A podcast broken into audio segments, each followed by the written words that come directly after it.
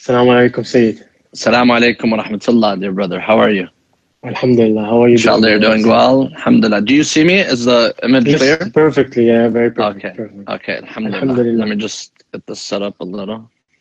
How are you, Sayyid?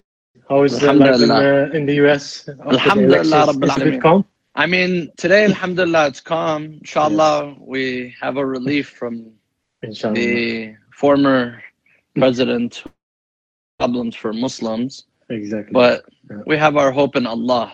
exactly. Inshallah, Allah subhanahu wa ta'ala is the one who will fix things. Alhamdulillah. I will just uh, briefly uh, tell a bit the, the program, and then inshallah we can uh, start uh, Okay. our talk and debate. Um, uh, as probably uh, all of you know, we will start with a small discussion. Uh, the Sayyid will tell us more about the subject of today. Uh, we'll have in the end uh, 10 minutes, which we, everyone who has a question. You can also uh, uh, ask us your questions during the talk. I will try to see if the question is uh, related to what we're talking. I can right away ask this if, if, if that's okay. Um, inshallah, after that, we will try to keep our session uh, one hour and 15 minutes. And after that, we have a 15 minute uh, moment to uh, like actually answer the questions you, you have for the Sayyid. Um, Sayyid, I think many people uh, know you. Uh, but if you can give us just a very short, brief introduction of yourself or what you do or what your background is, I think that would be quite interesting. Thank you very much, dear brother. May Allah bless you. Um, my name is Salih Al Qazwini. Uh, my father is Sayyid Muhammad Al Qazwini, who lives in Karbala, and my grandfather is Ayatollah Sayyid Murtada Al Qazwini. Mhm. I live in Michigan, and I grew up in San Diego, California. And after that, I moved to Iran Mhm. to study in Qom, in the seminary there. And then, after being in the seminary, I moved back to the United States, Michigan. Mhm. And I got my bachelor's degree from University of Michigan in sociology and my master's in Near Eastern Studies. And I have been uh, just focused on lecturing and doing studies here and there, Mhm. giving lectures, offering classes. And we ask Allah subhanahu wa ta'ala to give us the tawfiq to do more. Inshallah. May Allah uh, give you the tawfiq and uh, bless you with what uh, you're doing. I think it's very important to have uh, English speaking uh, uh, scholars which we can connect with. I think that's one of the most important things to have. And uh, we are very honored to have you with us. I think that's uh, the very important thing that you uh, could make time for us to share with us your knowledge, which is, I think, in the time of Corona where everyone is sitting at home this is the very big advantage of it that you don't have need to travel uh, you don't lose a lot of time you're sitting home and you can still share your knowledge about very important subjects like the subject of today um, to start with actually to start our debate with is if we look the subject of today is of course is my faith like uh, fixed or can i change it and of course the very concept of uh, uh, qadr and qada um, if you look, of course, if you look to these two terms, it's a it's a topic which is a lot being discussed by scholars and thinkers. But there's even among Muslims uh, different opinions about the meaning of these two words. And of course, if you to, if you look to the Sunni uh, uh, school of thought, you see that even in Sahih Muslim, they, they he says that even that qada and qadr you cannot change it; it's fixed. So you're born uh, that you that you, you you even before you were born, it's been settled that you will go to heaven or to hell. Which of course, if you look to the Christian faith, it has also a bit something similar, which that Jesus was crucified for us, for our sins. That even though you sin, you will go to to heaven. But I know, like in, in the Ahlul Bayt school of thought, we think differently about this. And I want want to ask you if you can give us the real meaning and the way of how it, it's been taught in the Ahlul Bayt school of thought. What is the difference between al-qada and al-qadr? Okay. بسم الله الرحمن الرحيم الحمد لله رب العالمين والصلاة والسلام على أشرف الأنبياء والمرسلين حبيب إله العالمين أبي القاسم المصطفى محمد وعلى أهل بيته الطيبين الطاهرين This topic, the topic of wal-qada or qada wal-qadar, is a very important topic and this has it has been the center of debate for Muslims and within the within the Muslim sects there has been a center of debate. And non-Muslims as you mentioned say for example Christianity predestination and free will. So it's a very important topic. And yes as you mentioned we the followers of the Ahl Bayt we have a view that is a little bit different from some of the Sunnis. Of course some of the Sunnis their view also agrees with the Shia view so they, they also are not unanimous in, in, in the view. So the qadar and the qada, they both have to do with the destiny and the decree of Allah subhanahu wa ta'ala. So what does this mean? We believe that Allah subhanahu wa ta'ala plays a role in our lives. Allah subhanahu wa ta'ala destines for us many features and aspects of our life. In fact, everything of our life is chosen by Allah subhanahu wa ta'ala. So now it brings a you know a an issue where if Allah subhanahu wa ta'ala has total control of our lives, then that means that what's the point of me praying? What's the point of me doing good or bad? If Allah is going to take me to heaven or take me to the hellfire, then if God had full control to begin with, then that means I had no control. I had no mm-hmm. say. I go to heaven and I, or I go to the hellfire. I have no say in what happens to me. Or some they come and they say, no, Allah subhanahu wa ta'ala, He leaves people. In mufawwada. You know, there's Jabariya, the, the, those who believe in Jabr, meaning God has forced people, predestined. And there's the view of the of the tafwid, meaning that Allah subhanahu wa ta'ala created, He created the human being he created the creation in the best way possible, and then he tells people, you go do whatever you want to do. Now, the school of the Ahl Bayt is somewhere in between. Inshallah, we'll come to that. But mm-hmm. first, we want to give a definition of the qadar mm-hmm. and the qada.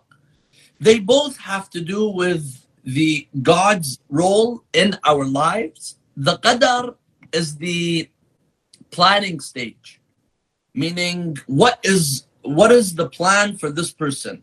And that is um, basically that is referred to as the what is in, in a person's plan? Allah subhanahu wa ta'ala says this person is going to live x amount of years this person is going to marry this person this person is going to have this number of kids.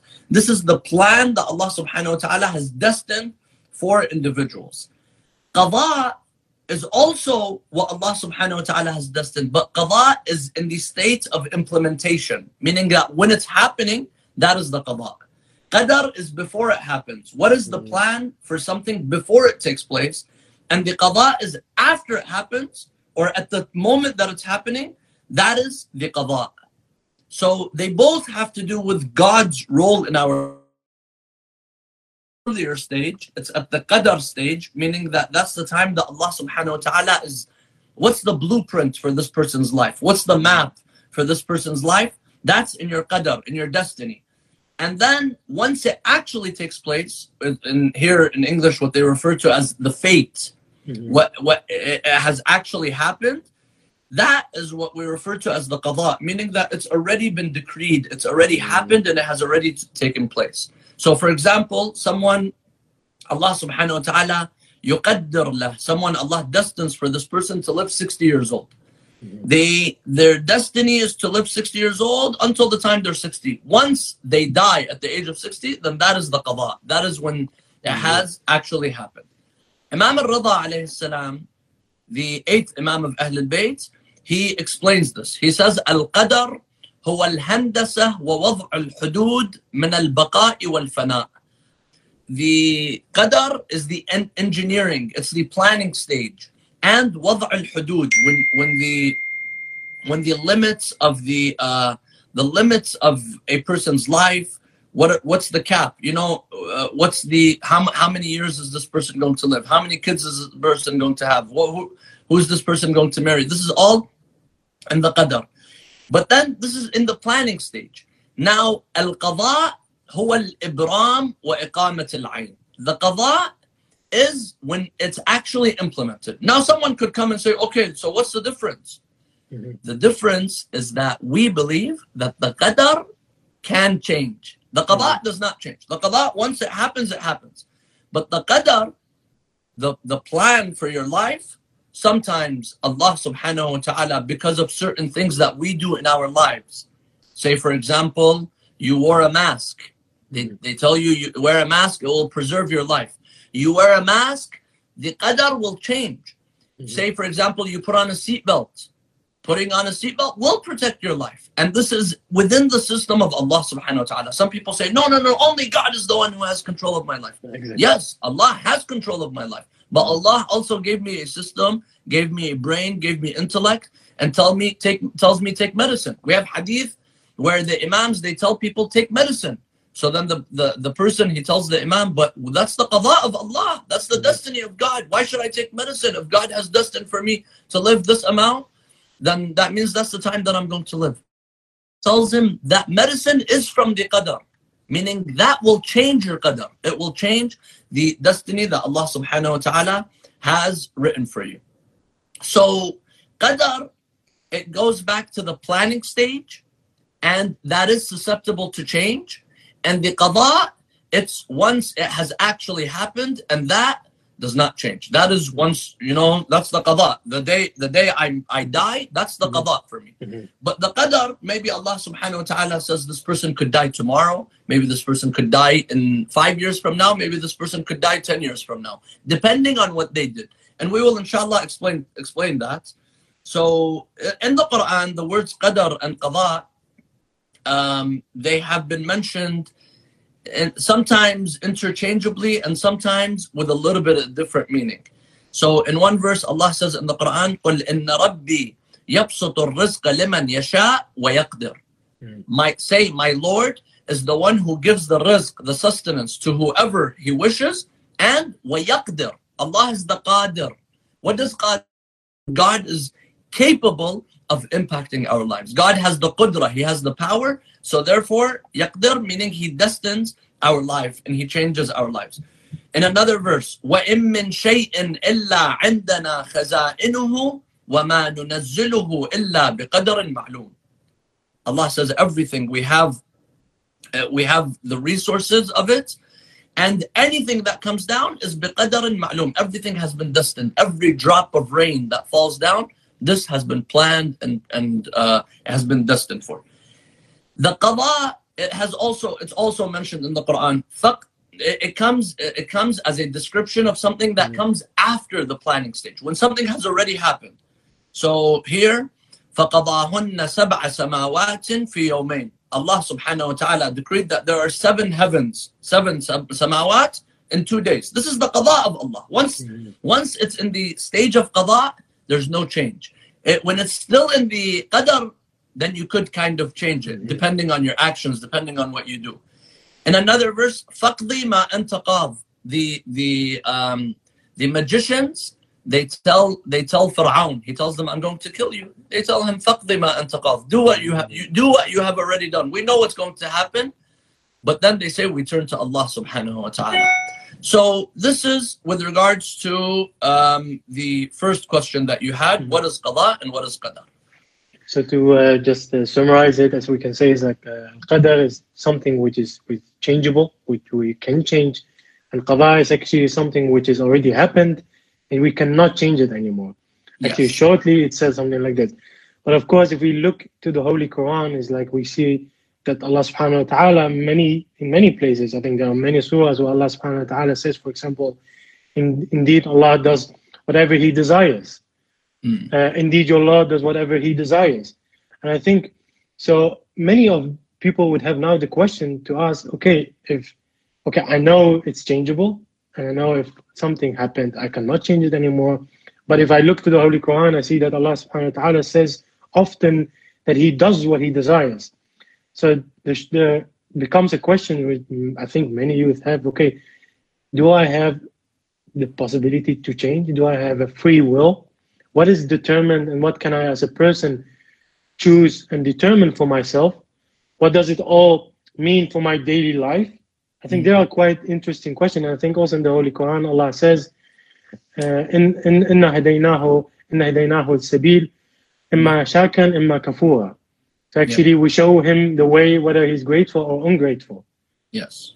So if you can tell us a bit more about, do I have a free will? Can I change this qadr? So we believe that yes, the Quran has verses that says everything is in the control of Allah subhanahu wa ta'ala and everything has been destined by Allah subhanahu wa ta'ala.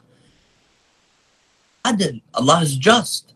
If everything, if God destines everything in my life, on the day of Ashura, Allah destined for Imam al-Hussein to be on the side of the mu'mineen, the believers, and Allah destined for Yazid to be the one who kills Imam al-Hussein. And then on the day of judgment, Allah takes Imam al-Hussein and places him in paradise, and takes Yazid and places him in hellfire. Is this adala? This is not justice.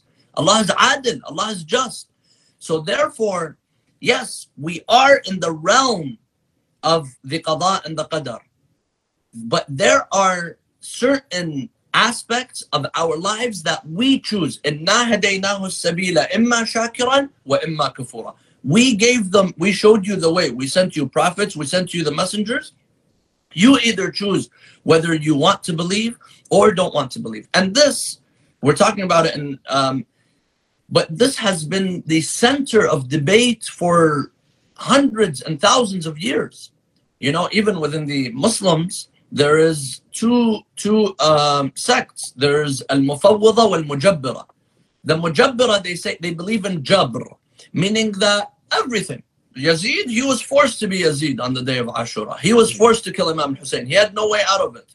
Imam Hussein, he was forced to be Imam Hussein on the day of Ashura. He had no way out of it. And this is jabr, meaning that whatever happens, whatever happens in your life, basically happens. And this we will come to later. This is the ideology of Bani Umayyah.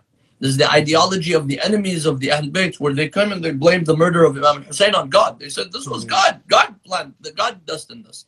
We'll we'll talk about that inshallah. Mm-hmm. Then there's the others that come and they say the mufawwada, meaning that everything is tafwid. God created, and then he tells people, you go and you do whatever you want. But that is also problematic because that means that God has no control of our matters. God has no say in our matters. The Quran says God has a say, but Allah subhanahu wa ta'ala also gives us some leeway within some aspects of our lives. So here, Allah subhanahu wa ta'ala says, talks about certain things that are unchangeable, that we cannot change. See, Allah subhanahu wa ta'ala, when Allah talks about this, Allah says that there is qadar that is written down, written, let, let, let me give you the example, written in pen. You can't mm-hmm. erase pen. Mm-hmm. And then there's something else that is written in pencil. Can you erase mm-hmm. pencil? You can erase it and write something else in its place. So here Allah says in Surah Al-An'am, verse 2, Allah says, هو الذي خلقكم من طين ثم قضى أجلا وَأَجَلٌ مُسَمًّى عِنْدَهُ Allah subhanahu wa ta'ala is the one who created you from soil, from clay, and then He gave a decree of an ajal. Ajal is the time of death.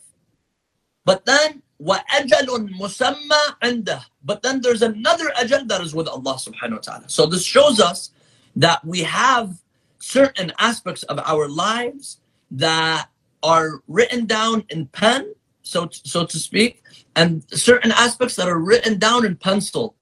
What the one that the difference is that the issue in pencil we can change. So what are certain things that we can't change, and what are certain things that we can change? The unchangeable is, for example, death. Can someone come and say, you know what, I'm going to live a lifestyle where I'm never going to die? No one. No one is is able to escape from death. Allah says in the Quran, وَمَا كَانَ لِنَفْسٍ أَن تَمُوتَ إِلَّا بِإِذْنِ اللَّهِ كِتَابًا مُؤَجَّلًا In another verse, وَلِكُلِّ أُمَّةٍ أَجَلٍ فَإِذَا جَاءَ أَجَلُهُمْ لَا يَسْتَأْخِرُونَ سَاعَةً وَلَا يَسْتَقْدِمُونَ In a third verse, أَيْنَمَا تَكُونُوا يُدْرِككُمُ الْمَوْتِ وَلَوْ كُنْتُمْ فِي بُرُجٍ مُشَيَّدَةٍ Wherever you go, death will come to you. Yes, there's no escape from death. Even Rasulullah, the Quran tells him, إِنَّكَ مَيِّتٌ وَإِنَّهُمْ مَيِّتُونَ You will die and they will die as well. Everyone will die. No living being will remain. Jibra'il, Mikael, Israfil, Israel, mm. all of the angels, everyone will die. However, there are other things that are changeable. Like what? Like the time of death. Mhm. The time of death, that is changeable. That doesn't mean that we could go against the time that Allah has written for us in the pen. But there is a time that Allah has written for us in the pencil, meaning the time that is subject to change. And we have many ahadith, we have many narrations regarding this. Inshallah, I will give some examples. But the time of death changes. If you live a healthy lifestyle, if you work out, if you go to the doctor, if you take medication, if you do what you're supposed to be doing, that will that will have an impact on your life. By the by the cause of Allah, because everything, even the medicine that you take, this is the medicine that has been created by God. It's not it's not like we're escaping from the qada of Allah subhanahu wa ta'ala. No. It's still within the realm of the power of Allah subhanahu wa ta'ala. And Allah says in the Quran that sometimes the the um the qadar that has been written down in the pencil, that could be erased. Allah says 13 verse 39 يمحو الله ما يشاء ويثبت وعنده أم الكتاب God erases and God is, uh, uh, makes it something that is thabit, something that is Mhm. still, something that is there. و- وعنده أم الكتاب and Allah has the mother of the book. So this means that we all have ajal. Say for example, I have an ajal to live X amount of years.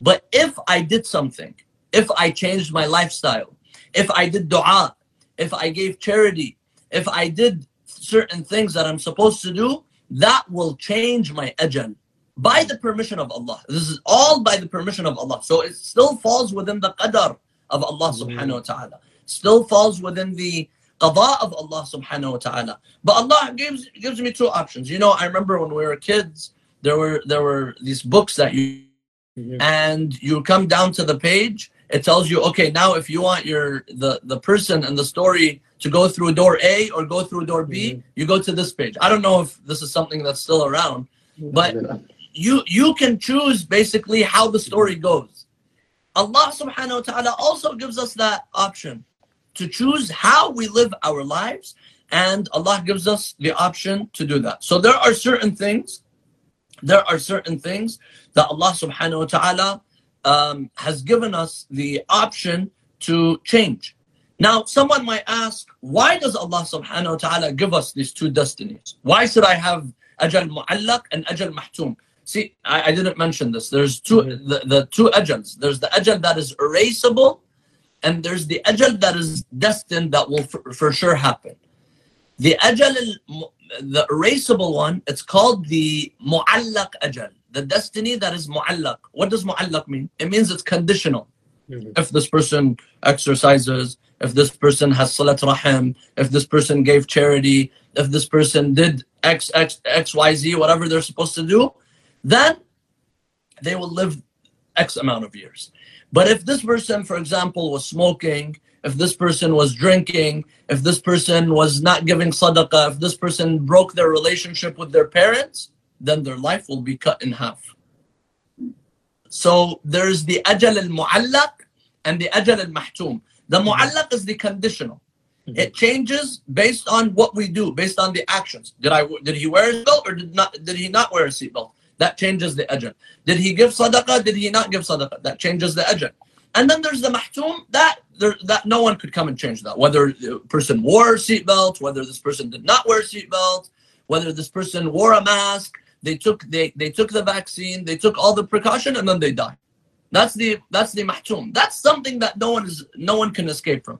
The actual time that we die, like look at all these people that have died, the actual time that they died was the ajal al mahtum. That is the Mhm. certain ajal that Allah wrote for them. But before that, in their life, say this person lived for 50, 60 years, how many times did you come near death? How many times did you almost get in a car accident? Mhm. How many times did you get sick and Allah cured you? That was all times that you came really close to death, Mhm. but Allah subhanahu wa ta'ala, because of his irada, because of Allah's, you know, Allah's will, or because maybe you did something, because you gave sadaqah, you took medicine, you did what you were supposed to do, that ajal changed until the time that the person actually died. And we have many examples of this in the Quran. Allah subhanahu wa ta'ala gives us many examples because the whole purpose of having two types of ajal is to encourage us to do dua, Mhm. to pray on Laylatul Qadr. Why is why do we have Laylatul Qadr? Laylatul Qadr khayrun min alf shahr. What's the point of doing dua if my destiny has already been written? If my destiny has already been written, then that means I don't even need to do dua. God already has my plan planned out for me. There is no point in dua. And Allah subhanahu wa ta'ala does not ask us to do something that has no point. So Allah tells us, do dua and I will change that time for you. Go and give sadaqah. The hadith of Rasulullah sallallahu alayhi wa alayhi says, as sadaqah تدفع البلاء وقد أبرم إبراما. He says sadaqah will remove the bala. It will remove the catastrophe even if it has been written down for you. Even if it's something that's supposed to happen, Allah subhanahu wa ta'ala will erase it. So sadaqah has a very big um, part of an, an, of our ajal. Mhm. And Allah gives us the story of Ibrahim, how he was thrown in the fire, but Allah changed his ajal. Mhm. You, you would look at it and you would see a man is thrown in the fire, of course he's going to die. But Allah subhanahu wa ta'ala, because of his good deeds, changed his ajal. Musa, they came to the ocean Mhm. and the ocean, Allah subhanahu wa ta'ala split it for them. The Yunus, he was swallowed in the well of in, in the stomach of the well. But Allah subhanahu wa ta'ala gave him life. So there are certain things that change the ajal. Yes. I think it's it's very beautiful how you how you told us actually what the meanings are, and, and that indeed you have a free will.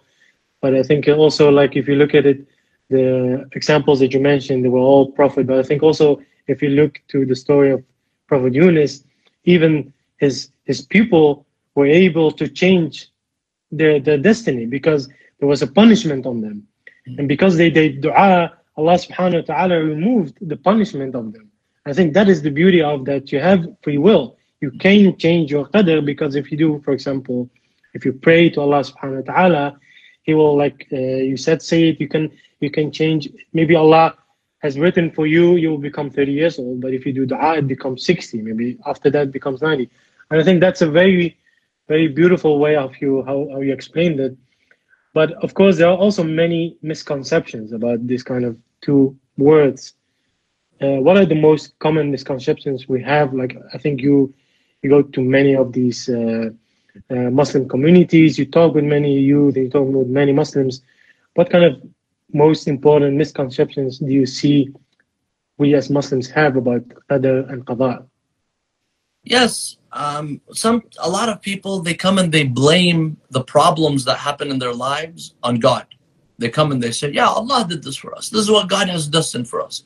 Or say, for example, a person he's lazy, he doesn't want to work, he doesn't want to go and put effort into things, and then when his life is miserable, he comes and he says, "Yeah, God did this for me. God chose this for me."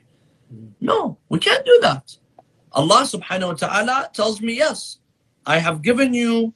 your your life i have given you your energy i have given you the, your capabilities yes you are limited to an extent say for example i can't fly right now but i could get up and drive to the masjid i could i could do certain things within my capability uh, and there are other things yeah i can't do i can't go and live a time that was a thousand years ago or a thousand years from now but within within our realm within the perimeters that we're in we have the freedom to do a lot of things. And we will be held accountable for the options that we had. We will be rewarded or we will be punished when Amir al-Mu'mineen Ali ibn Abi Talib was going to um, Siffin, there was going to be a war, a huge war where thousands of Muslims were killed with on the side of Amir al-Mu'mineen and then Muawiyah on the other side. A man, Ibn Abbas, he mentions this. A man from Iraq, he comes to Amir al-Mu'mineen and then he tells him, أخبرنا عن خروجنا إلى أهل الشام أبقضاء من الله وقدر Tell me about us going to fight the people of Sham. Is this from the qada and the qadar? Meaning, are we just like sheep? Tell- We're, we're being herded. That's it. You, you have to go in the way that you're supposed to go. So then the Imam alayhi salam, he tells him, Ajal ya Shaykh. Yes, this is from the qada of Allah. Meaning, this is the plan of God.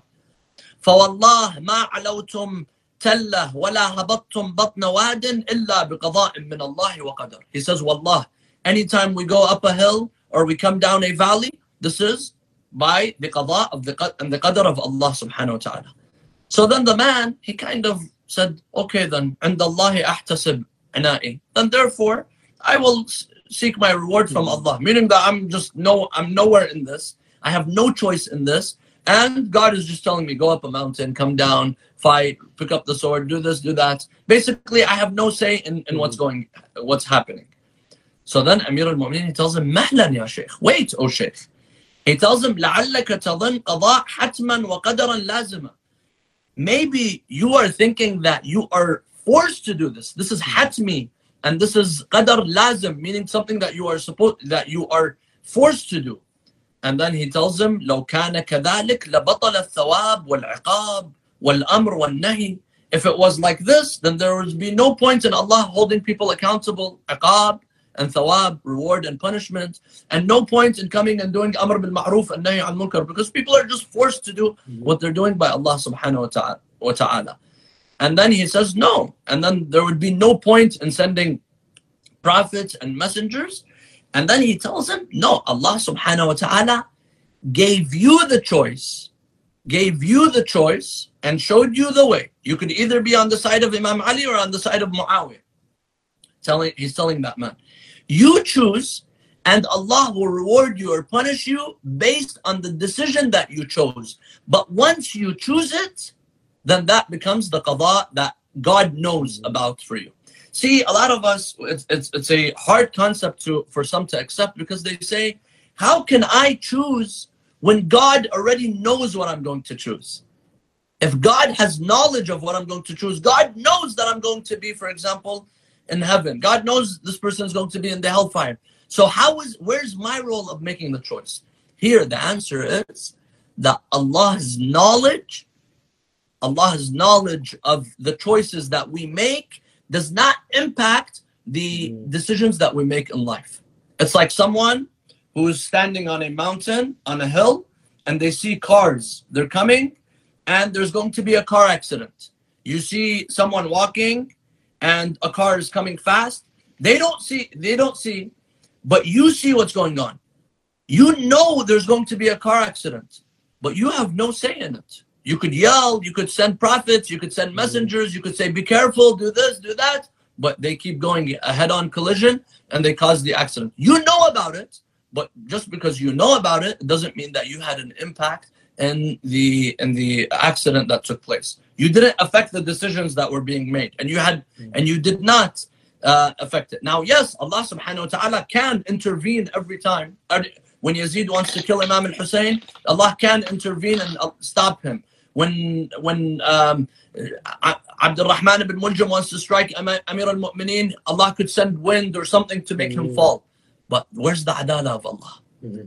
Allah's justice Allah is adil, Allah is just. So Allah leaves the matters of this life according to the way, according to the sunnah of the life. Let, let life go as it is. Allah does not intervene every time. Sometimes Allah subhanahu wa ta'ala intervenes when we do dua, when we recite the Quran, when we give sadaqah, when we do some of the good deeds, then there is some type of intervention. We have a hadith uh, um, from um, Prophet Isa alayhi salam. I'm, I'm sure many people have, have heard this. Prophet Isa alayhi salam, he's with his companions and he sees that a wedding is taking place in a house. So he tells his companions right now they are celebrating. Mm-hmm. Tomorrow they're going to be mourning. Tomorrow they're going to be crying. There's going to be a aza in this house. The disciples of Isa, they didn't understand what's going on. They tell him, What's going on? He says, Tomorrow someone's going to die. So they all have faith in Jesus because Jesus, he doesn't lie. Mm-hmm. And he he says what he knows, and what he knows is what Allah subhanahu wa ta'ala has, has told him. The next day they wake up and they don't hear any crying. They don't hear any sign of azah. No one has died. So the disciples of Jesus, they come to him and they tell him, Ya Ruh Allah, you told us that there's going to be death in this family. There's no death. We don't see any signs of death in the family. So he says, then let's go and see what has happened. Because based on the qadar al-mu'allaq, the conditional qadar, what I know is that this person was supposed to die. Mm-hmm. Unless this person did something that is different, that changed the course of their life. and they go and they they look in the bedroom of the groom and the wife they move the mattress and they see there's a poisonous snake right beneath where they were sleeping mm-hmm. so everyone understands that death was very near if you have if you're sleeping all night there's a there's a snake a poisonous snake next to you then you know that death is very near so then they come and they tell him yes there is a snake there a poisonous snake so he tells them ask them what did they do did they do something special that protected them, that gave them life? So they say, yes. Last night when we were celebrating, we had extra food. We gave food to the poor people. Mm. Isa alayhi salam, he says that was the reason why Allah subhanahu wa ta'ala prolonged their life. That was the reason why Allah subhanahu wa ta'ala gave them extra life. And we have many things. Sadaqah, it prolongs the life. Silat al-Rahim, the hadith mm. says that someone, they're supposed to live for 30 years, but they go and they're connected with their family, with their rahim, Allah subhanahu wa ta'ala will give them another 30 years. But yes, there are some misconceptions. Some people, they don't understand this. Some people, they say, is God forcing me? No, Allah is not forcing us. Some people, they come and they blame anything that's bad in their life on Allah subhanahu wa ta'ala. And some people, they refuse to build a relationship. They refuse to do dua. They refuse to be connected because they say, you know what, I'm supposed to be living a miserable life. And this is this is my qadar. This is the way I, you know, sometimes some people, they're going through depression, anxiety, stress. They say, yeah, my life is, is always going to be miserable. This is my life. But no, Allah subhanahu wa ta'ala says, keep doing dua. وَإِذَا سَأَلَكَ عِبَادِي عَنِّي فَإِنِّي قَرِيبٌ أجيب دعوة الداعي إذا دعان. Allah subhanahu wa ta'ala says, Laylatul Qadr khayrun min alf shahr. It's the time that Allah will destine for you. Give sadaqah, give charity, do all these good things. This will um, remove the qada. لا يرد القضاء إلا الدعاء ولا يزيد في العمر إلا البر. The hadith says that the the ultimate the the qada, not the qada that is really going to happen. The mu'allaq qada, which is the ajal mu'allaq, that will not be removed except through dua. And وَلَا يَزِيدُ فِي الْعُمْرِ And nothing increases the life except bir, the acts of mm-hmm. righteousness. Um, there was also one question uh, from the sisters. She asked, like, why is there a reason that, for example, some persons can prolong their life, but someone else cannot? What is the reason for that? So Allah subhanahu wa ta'ala, He has the ultimate knowledge of what's the purpose behind certain things. There are certain things that we don't comprehend. Maybe say, for example, one person, if they were to live long, maybe they would be like a mu'min, a believer. If they were to live a very long life, maybe later on they would turn away from Allah. So Allah subhanahu wa ta'ala takes this person when they're pure. Mm-hmm. Allah takes this person when they're still mu'min. So there are many reasons. At the end of the day, everyone will die. And once a person has died, it's not really going to matter if this person lived for 80 years or this person lived for 30 years. At the end of the day, it's a test. Do you come and look at the test after you come and you turn in a test, you turn in an assignment for for university? At the end of the day, it all matters whether you passed or failed. It doesn't matter whether you took 30 minutes or you took 40 minutes in that test. Mm-hmm. It's that's not that's going to be something that's that doesn't really matter.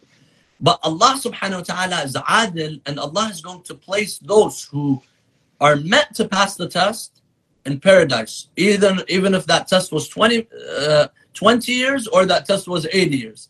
Allah knows whether this person passed the test or did not pass the test. It doesn't mean that if I lived longer, I would have passed the test. The Quran gives us numerous examples of that. The kuffar, they say, رَبِّ ارْجِعُونَ لعلي أعمل صالحا فيما تركت take me back maybe I could do something good Allah says كلا إنها كلمة هو قائلها ومن ورائهم برزخ إلى يوم يبعثون and in another verse Allah says ولو ردوا لعادوا the kuffar if we were to bring them back and given them another thousand years for them to live here they would still transgression and the same crimes against Allah subhanahu wa ta'ala uh, to go further on the next uh, question, which is, I think it's a very important question, um, and that's actually the the impact of istikhara. Like uh, we did a poll on Instagram, and we asked uh, our viewers, uh, how many times do you use istikhara in your life?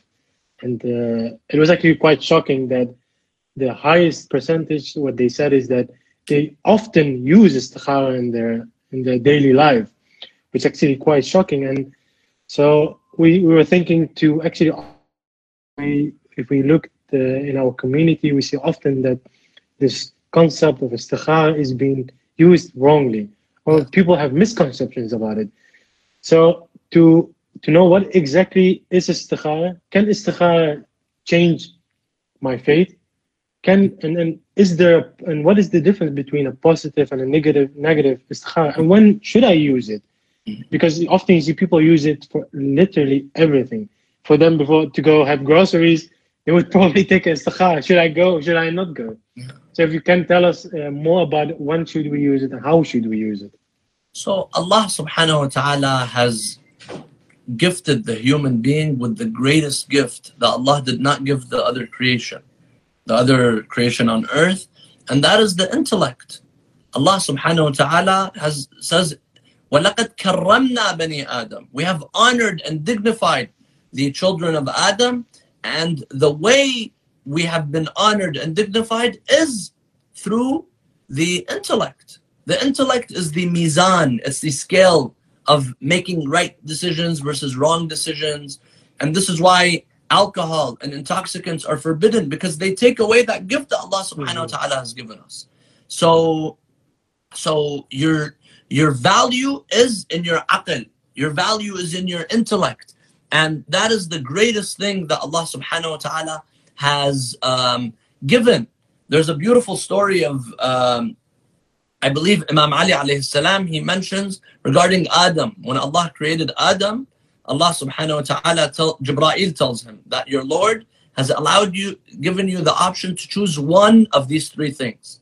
Either you choose the intellect, or you choose hayat, meaning uh, the, the shy and, and humility and modesty, or you choose faith, or you choose faith, iman. But you can only choose one of these, either the intellect or haya or faith. So Adam alayhi salam, he chose the he chose the intellect. So then the haya and the faith, they followed him. Mhm. So he asked, he said, I thought I could only choose one. Then Allah subhanahu wa ta'ala says that I have ordered for haya and faith to follow the aql wherever it goes. Mm. So Allah subhanahu wa ta'ala has given us the greatest gift, the greatest gift, and that is the gift of the intellect. But some people, they don't want to use their intellect. And one of the reasons is they want to blame all their, mm. let me do khira, so that if something bad happened, I said, go, I did khira and this bad thing happened. I did khira and this bad thing. Khira is not supposed to be done for that. Khira is only done, istikhara is only done when you cannot make a decision in life. You have you have measured the pros and the cons, and then now you're at 50-50. And you can't make a decision. It's extremely difficult for you to make a decision. Khira helps you make a decision in life. It just helps you make a decision. It doesn't mean that the decision is going to be, you're going to see the results and the consequences of that decision in this life. Sometimes you do khira and the decision that comes, it comes out bad or it comes out something that you might see that it didn't really help you. There was during the time of Imam Sadiq alayhi salam, there was a man who did a khira whether to go on a business trip. So he comes and he does the istikhara and the istikhara comes out bad. But he doesn't care and he goes ahead and he goes on the business trip. He travels, he's a merchant, he goes on the business trip and he makes a lot of money. He makes a lot of money. It was according to the standards of this dunya, you would see that this it was a very successful business trip. He comes back to the Imam and he tells him, Oh Imam, you told me not to you told me not to go based on the istikhara, but I went ahead and went. And by the way, it's not haram to go against khira. Khira mm-hmm. is not a direct order from Allah subhanahu wa ta'ala. It's not haram to go against it. So mm-hmm. he tells him, I went against the istikhara and I made a lot of money. So what happened? So here the Imam alayhi salam to teach a lesson, he gives some of the knowledge from the ghaib. The, Allah subhanahu wa ta'ala gives the imams the ability to sometimes tell from the ghaib, from the from the ilm al-ghaib that Allah subhanahu wa ta'ala has given them to reveal certain things and to make matters clear. The Imam alayhi salam, he tells him, when you were in this business trip, did you miss your Fajr prayer one night, one morning? He says, let me think about it. Yes, one night we were busy, we were making a lot of money, and I was so consumed with my money and the money that I'm making that I ended up sleeping late and I did not wake up for the Fajr prayer. The Imam tells him that's why the istikhara came out bad. Came out bad because you were going to miss one Fajr prayer. In our lives, we say, no, bad is if I don't make money, bad is if th- these materialistic issues happen in our lives. That's when we see bad or good because it's relative. So the Imam, sometimes the khira comes out good or bad based on things that are we don't we don't understand. But anyways, khira does not change your destiny. Khira just helps you make a decision. It doesn't mean that a lot of people they come and they say, Sayyid, I'm I'm going to marry this girl. Do a khira for me. I want to see if she's going to be a good wife. I want to see if she's going to get pregnant. Tell him, no, no, no, that's not what khira is. A lot of people don't even know what istikhara is. They come and they think that istikhara is going to predict their future, it's going to tell them whether you're going to be a happy person or unhappy person. That's not what istikhara is.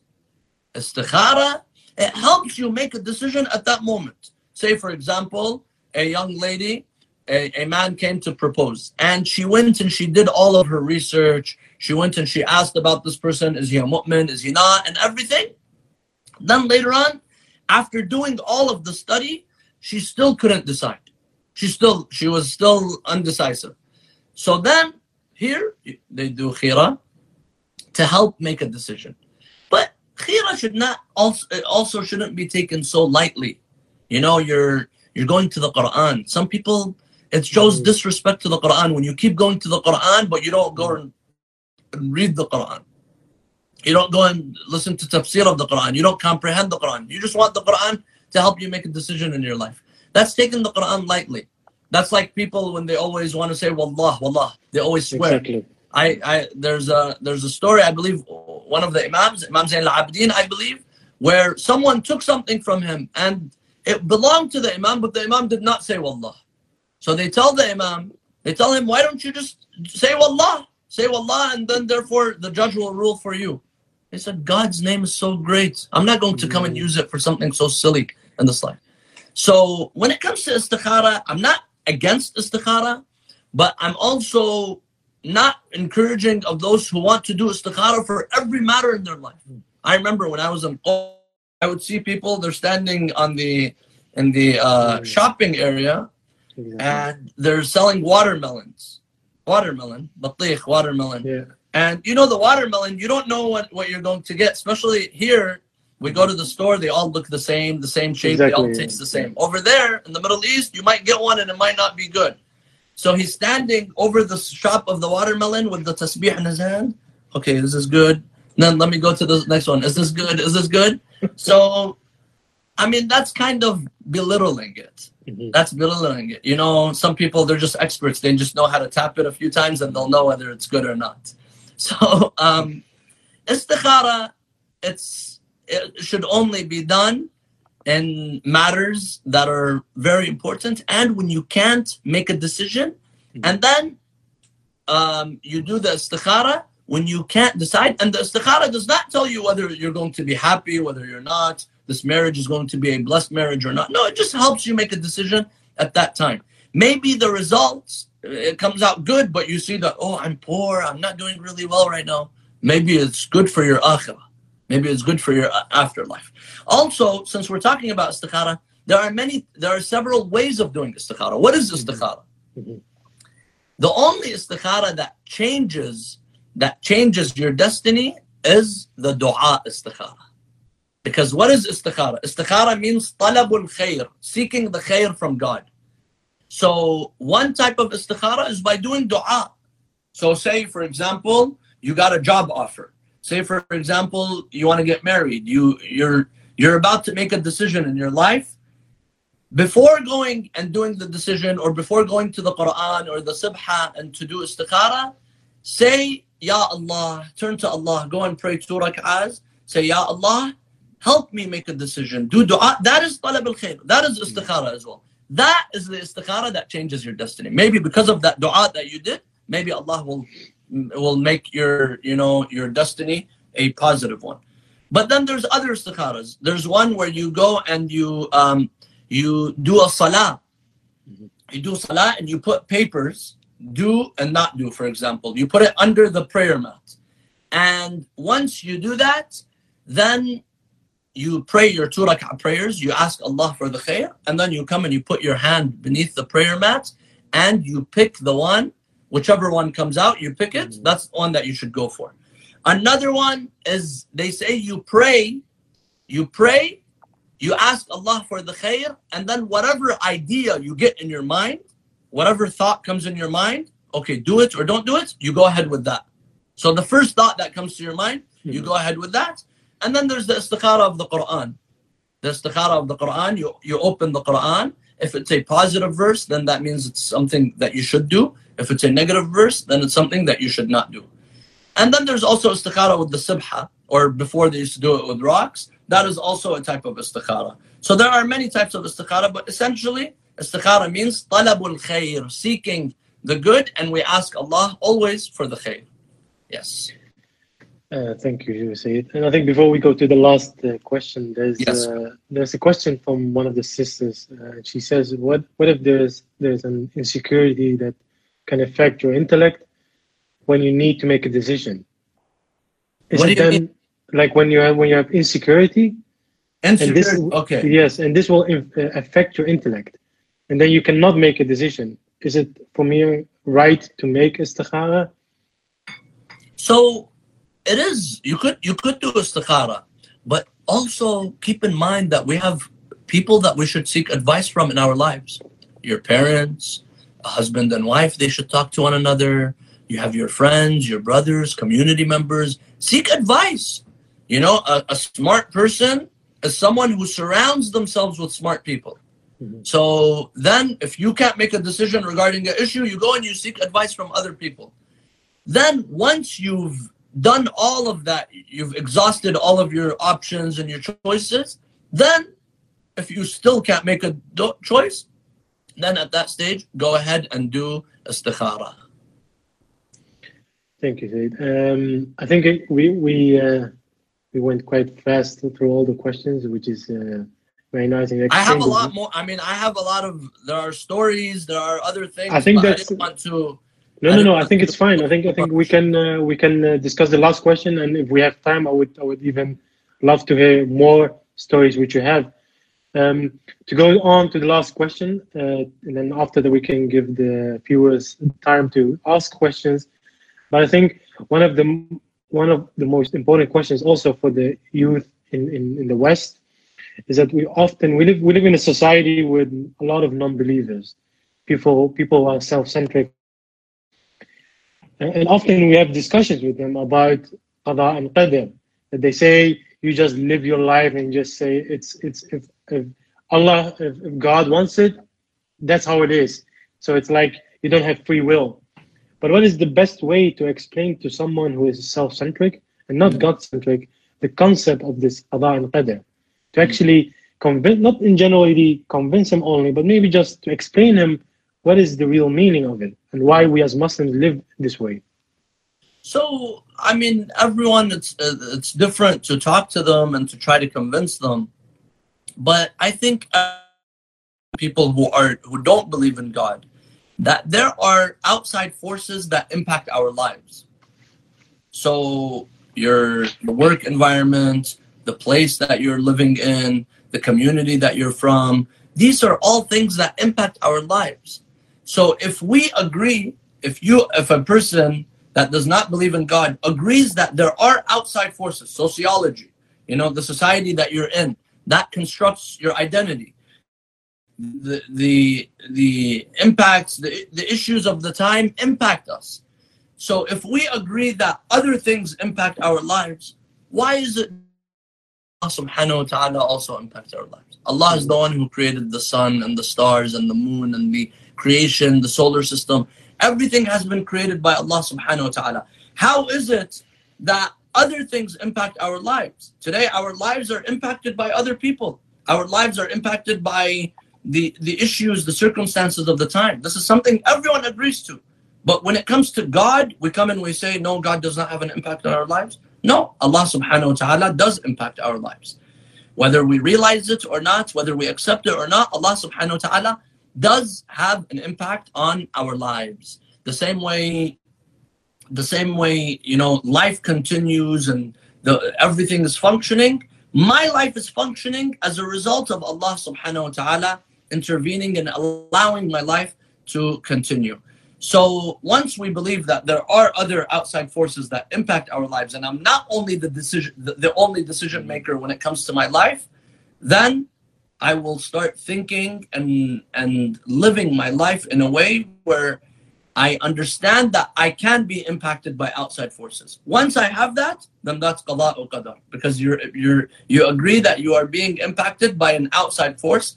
That force is Allah subhanahu wa ta'ala. And Allah subhanahu wa ta'ala, He is musabbibul asbab. A lot of people, you know, they come and they say, Oh, my my this relative or this friend, this neighbor, she came and she did magic on me. Or this one, they cast a spell on me. This one has issue here and there. We don't believe that anyone or anything has an impact on our life other than Allah subhanahu wa ta'ala and we need to take out that you know that belief that oh it's they, we were drinking coffee and she said that this is going to happen to you and my life has become i you, you wouldn't believe how many questions and you know how many people actually talk like that and think like that. This is lack of faith in allah subhanahu wa ta'ala. We have to believe that allah is musabbibul asbab. Allah is the causer. Allah is the only one that has an impact on our uh, on our lives. Yes. Now, sometimes you believe in the evil eye, you believe in mat here and things. If Allah allowed them to take place, they will take place. But if Allah does not allow them, then nothing will happen without the irada, without the permission of Allah subhanahu wa ta'ala. Thank you, Sayyid. Um, I think uh, we can go on to some of the, the questions. Uh, first of all, I really loved what you have what you have told about all these questions, and I think it's it was very clear, and it was actually quite nice to hear how the Ahlul Bayt school of thought thinks about these the concept of qada and qadr because there's many misconceptions about it and even though if we speak with a lot of youth we see that there is still this kind of idea of that it's that it's quite funny that if you think about it that when we have it good we think that it's from us mm-hmm. and when we have we are in bad times we give uh, Allah subhanahu wa ta'ala the fault that it's because of him that I'm in these bad times. And if I have it good, it's all because of myself. So I think it was a very nice way how you explain it to us to understand, okay, this it is different than we mostly think it is. Yes. Um, but when it comes to when it comes to the enemies of the Ahlul Bayt, mm-hmm. we when the family of Imam al-Hussein were taken to Kufa, Ubaidullah ibn Ziyad, the first thing, one of the first things he tells Sayyidah Zainab alayhi salam, he sees that she's covered up and she's not talking to him. She's ignoring him. He says, Who is this mutanakkira? She was ignoring him. So then he tells her, he wants to break her heart. He tells her, كيف رأيت ما صنع الله بأخيك What do you say about what God did to your brother and the criminals from your family? Mm-hmm. And Zainab alayhi salam, she doesn't say that she doesn't say that it wasn't God. But she says, Ma ra'aytu illa jamila. All I saw was beauty. This was a group of people that Allah tested them and they showed their love to Allah subhanahu wa ta'ala. Ubaidullah ibn Ziyad, later on, he speaks to Imam Zain al-Abidin alayhi salam. He says, or either before Sayyidina Zainab or after, he says, who are you? He tells him, Ana Ali ibn al-Hussein. I am Ali, the son of Hussein. And then he says, Awalays qad qatala Allahu Aliya. Didn't God kill Ali? Who's he referring to? Mm. Ali al-Akbar. Mm. Ali al-Akbar, the oldest son of Imam al-Hussein, or as some say, the oldest son of Imam al-Hussein, he was killed in the battle. And Ubaidullah ibn Ziyad, you heard that Ali ibn al-Hussein was killed. So mm. now Imam Zain al-Abidin when he, he asks Imam Zain al-Abidin, what's your name? He tells him Ali ibn al-Hussein. He says, أَوَلَيْسْ قَدْ قَتَلَ اللَّهُ عَلِيًّا Didn't God kill Ali? So he says, كَانَ لِي أَخْ قَتَلَهُ النَّاسِ I had a brother who was killed by the people. And then Ubaidullah ibn Ziyad, he tells him, you have the audacity to, to answer me. He tries to kill the Imam, Sayyidina Zainab comes in front of him. This is one point I wanted to show that Mhm. how many Umayyah, the enemies of God, they blamed the crimes on Allah subhanahu wa ta'ala. Exactly. Also, regarding al-jabr, uh, al-jabr wa tafweed, the imams of the Ahl Bayt, they came and they answered this in a very beautiful way. And this is why we have to refer to the imams of the Ahl Bayt to answer some of the misconceptions. Misconceptions that if we were to read the Quran right now, you, today, those people who say the jabr, meaning we're forced, we're predestined, they say it's in the Quran. Those who say there's tafweed, they say it's in the Quran. How do you come and bring them together? Some they come and they say there's contradictions in the Quran. You can't accept that there's contradictions in the Quran. So the Imams of the Ahlbayt, they come and they answer these. And Imam al-Sadiq and the Imams, they say, لا جبر ولا تفويض ولكن أمر بين أمرين. There's no jabr, predestination, full predestination, and there's no tafwid, meaning God, has left you and gave you the matters in your hand, free will. It's something in between. There are some issues that, yes, we're predestined. I can't escape Mhm. from death, the ultimate death. Mhm. I can't choose the time that I was born. I can't choose who my parents are. I can't choose certain things. But yes, I could choose whether I'm a mu'min, whether I'm not a mu'min, whether I'm a believer or I'm not a believer. These are things Mhm. that we can choose. Uh, we have uh, some questions regarding uh, the topic, and I think there's uh, one sister which uh, she says, "How can I accept my destiny after I divorced? I'm suffering a lot. I know my marriage was toxic, but still." I mean, accepting the destiny, if something has already happened, this is in the qada, meaning this is something that, th- that's it, it just happened. So accept it by treating it as a test from Allah subhanahu wa ta'ala. You know, in, in the COVID era, a lot of people, they started asking, why is, what's the purpose of these tests? Why is Allah testing us? So there's a hadith, a beautiful hadith from Amir al-Mu'mineen Ali ibn Abi Talib. He says, al-bala, the bala, the catastrophe, the test, للظالم adab. For the zalim, for the oppressor, this is adab, this is discipline. وللمؤمن امتحان. and to the and to the mu'min it's a test. walil awliya daraja and for the awliya it's a level. walil anbiya karama and for the prophets it's it's giving them karama now i don't know if i read it exactly the way it's supposed to be read. Maybe i think i, I switched it around. But anyways the imam is trying to say that for the zalim for the oppressor yes this is god telling them. This is a result of your own actions.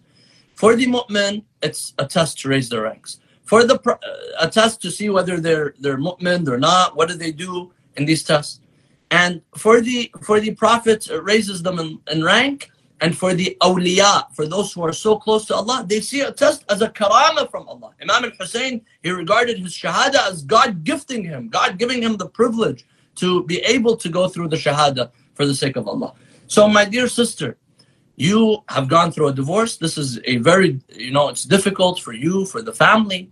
But look at it that Allah subhanahu wa ta'ala wants to see am I going to keep my faith in God? Am I going to keep my religion strong? Am I going to to Allah subhanahu wa ta'ala and become stronger as a result of the test? If I do, then your ranks will be raised. And Allah subhanahu wa ta'ala says, La in shakartum, la azidannakum. If you thank me, I will give you. Allah could change your matters within within a month, within a year, everything could change. So don't always, you know, assume that no, this is my qadar, this is what God has destined for me. No, this is a test. Keep your faith in Allah strong, and Allah subhanahu wa ta'ala could change that for you. And perhaps Allah wanted to bring you out of a toxic marriage and wanted you to go to a, a better marriage. So it doesn't mean that just because you've got Allah has a problem with you. No, sometimes Allah He puts us in a difficulty so that we get out of the the status quo that we're in. Maybe you're living in a place you don't have a job. You're not gonna have a job if you're in this in this city. Go and move somewhere else. Change your circumstances. إن الله لا يغير ما بقوم حتى يغيروا ما بأنفسهم. Allah does not change the matters of a group of people until they change their own. So we have to make decisions and we have to have faith in Allah and then we try our best and that will be inshallah the destiny that is positive for us. Inshallah. There's uh, another question. Uh, someone who says, Salam Sayyid, what are some examples of Allah subhanahu wa ta'ala's test to us to us other than the death of a loved one? Other than the lo- death of a loved one? Yeah, yeah. There are many. This COVID right now is a Yeah. test from Allah. Um, losing a job, having financial issues, going through a social problem. These are all tests. And all of the prophets, they were tested. Rasulullah was tested. Musa was tested. Isa was tested. All of the prophets, they were tested. Mhm. So these are all tests that Allah subhanahu wa ta'ala puts us all. And don't ever assume that, oh, I'm, I, I shouldn't be tested. No, every one of us is tested. Allah, because that's the point of this life. Otherwise, how is Allah going to put put someone in heaven and put another person in the hellfire if this person has not gone through a test? Mhm. And the more difficult the test is, the higher the rank is if you pass the test. Exactly.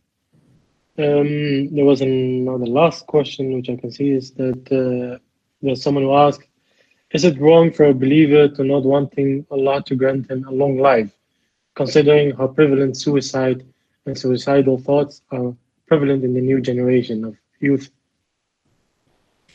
Is it wrong to not want a long life? Long life? No, it's not wrong. But we do not have the power and we do not have the control because this life that Allah subhanahu wa ta'ala has given us is a amana, a trust with me. This body is a trust with me. This body does not belong to me. I will go back to Allah subhanahu wa ta'ala. This body is the body that Allah subhanahu wa ta'ala has given me to live with, and I have to take care of it. So we we cannot take away our life. But just having a want it's not there's nothing wrong with that but we should we should we are not ready to leave this life. There was a there's a hadith that says that there was a man who was praying for death or saying i want to leave this life. The imam tells the imam tells him are you confident that when you leave this life that you're going to be passing the test? You know one of the names of the day of judgment is yawm al-hasra even the mu'mineen they will be regretting. So don't ever say that yeah you know what? Now it's time for me to leave. I've done my salah my zakat my hajj. I've done this. Now it's time for me to leave. No. You could always do more. Exactly, I think that's that's very nice what you say. It's like uh, you can always use this this extra time you have to even pray more to get in even on a higher level yes. uh, with with Allah subhanahu wa ta'ala. I think there's I don't see any more question but examples uh, Sayyid. I would love uh, to hear from them and if you can share them with us. um, there's in, in addition to the story of the uh, jesus jesus um, i said the story of how that Mhm. man they were having the wedding and allah prolonged their life sometimes allah subhanahu wa ta'ala changes the qadar and changes what has been destined for a person there is said that during the time of prophet musa alayhi salam there was a lady who wanted to have a child so she came to Prophet Musa salam and she tells him, Ya Nabi Allah, you are the Prophet, you are Kalim Allah. When you go and you speak to Allah, Musa was Kalim Allah, he used to have a dialogue with God. She tells him, when you speak to Allah, please ask Allah subhanahu wa ta'ala to give me a child. I've been without a child for such a long time and I've been married for a long time and I don't have a child. So Musa salam tells her, okay, I'm going to go to the Tur and I'm going to ask. So he goes up on the mountain. He has the dialogue with Allah. He comes back down. He sees her. He tells her, Oh, lady, I spoke to Allah, and God told me that you will not have a child, that you are aqim. Aqim means you're Mm. infertile. You can't have a child. That's it. So a while later, the next day, the lady she comes to Prophet Musa and she tells him, Ya Musa, please ask Allah. Please ask Allah, I want to have a child. He tells her, I spoke to Allah. He told me you're aqim. You, you can't have a child. So he keeps insist. She keeps insisting and insisting. That's it. Musa, he says, you know what? This lady, she keeps she keeps asking, but Allah told me she's aqim. About a while later, Musa, he sees this lady carrying a baby. Hmm. He sees her carrying a baby. So he comes to her and he tells her, Is this your baby? She says, Yes, this is my child. I gave birth to this child. I got pregnant and I gave birth to this child. He tells her, How? She says, I don't know. You're the prophet. You're Kalim Allah. I just got pregnant and I got and I gave birth to this child. So he goes to speak to Allah subhanahu wa ta'ala. He tells him, Ilahi, oh my Lord, didn't you tell me that this lady is aqim? That this lady cannot have a child? Allah tells him, Ya Musa, I wrote down that this lady is aqim, but she kept calling me Ya Rahim, Ya Rahim, Ya Rahim. You are the compassionate.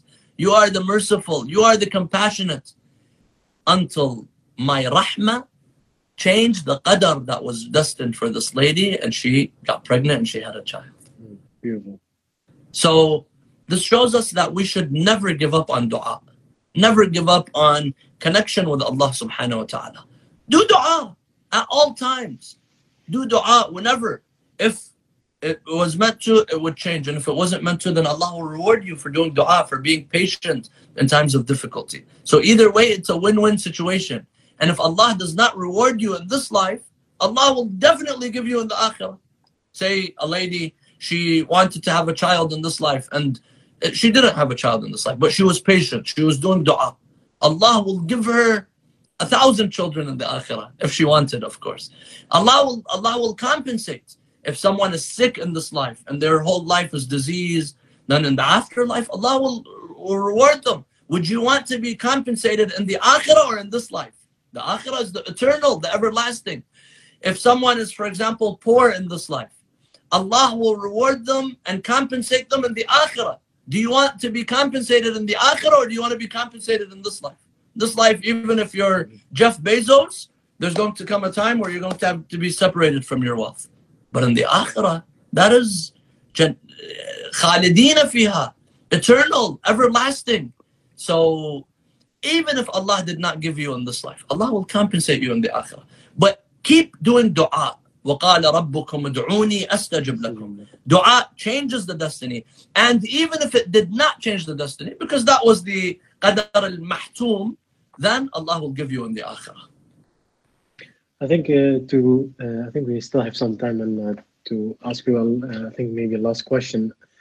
Uh, there's a question where which I often hear from the, uh, the younger generation. I think the youth is, is they say, okay, you know, I should pray. You tell me I should pray because I should thank Allah. I should remember Allah. He will give me more in the akhirah. But especially in the younger generation, is they when they look around and they see these non-believers, they have the best cars, they have the best jobs they have money. So he thinks, okay, but he's not praying and he's not doing this. He's doing all these bad stuff, but he's still having this this amazing life in his point of view. Of course, he thinks that is the amazing life to have a car, to have money, to have to have everything, a fame. Um, so, what would you tell such a person who thinks that even though if you don't do if you, if you don't pray, you you can even be like this this non-believer who has everything in life? The answer is in the Quran. And Sayyida Zainab alayhi salam, she gave, she recited this verse to Yazid in the courts of Yazid. Because Yazid was saying, God chose us, Bani Umayyah, and God did not choose you. And the proof of it is that you're, the head of your brother, Hussein, is in, in front of me right mm-hmm. That means God chose us. So Zainab alayhi salam, she tells him, the what you have in this life, the happiness in this life is all relative. Mm-hmm. The akhirah is the real life and you have lost the akhirah for the sake of a few days in this life. So she recites this verse in the Quran, and this is in Surah Al Imran, verse 178.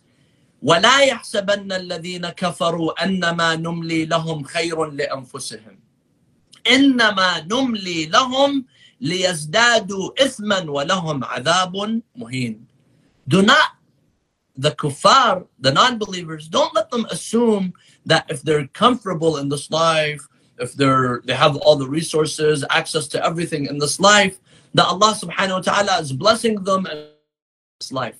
No, Allah says, we are giving you more. We're giving them more so that they turn away from Allah subhanahu wa ta'ala. Because they did they did things to reject the mercy of Allah. So that since they have rejected the mercy of Allah, Allah will throw this dunya at them.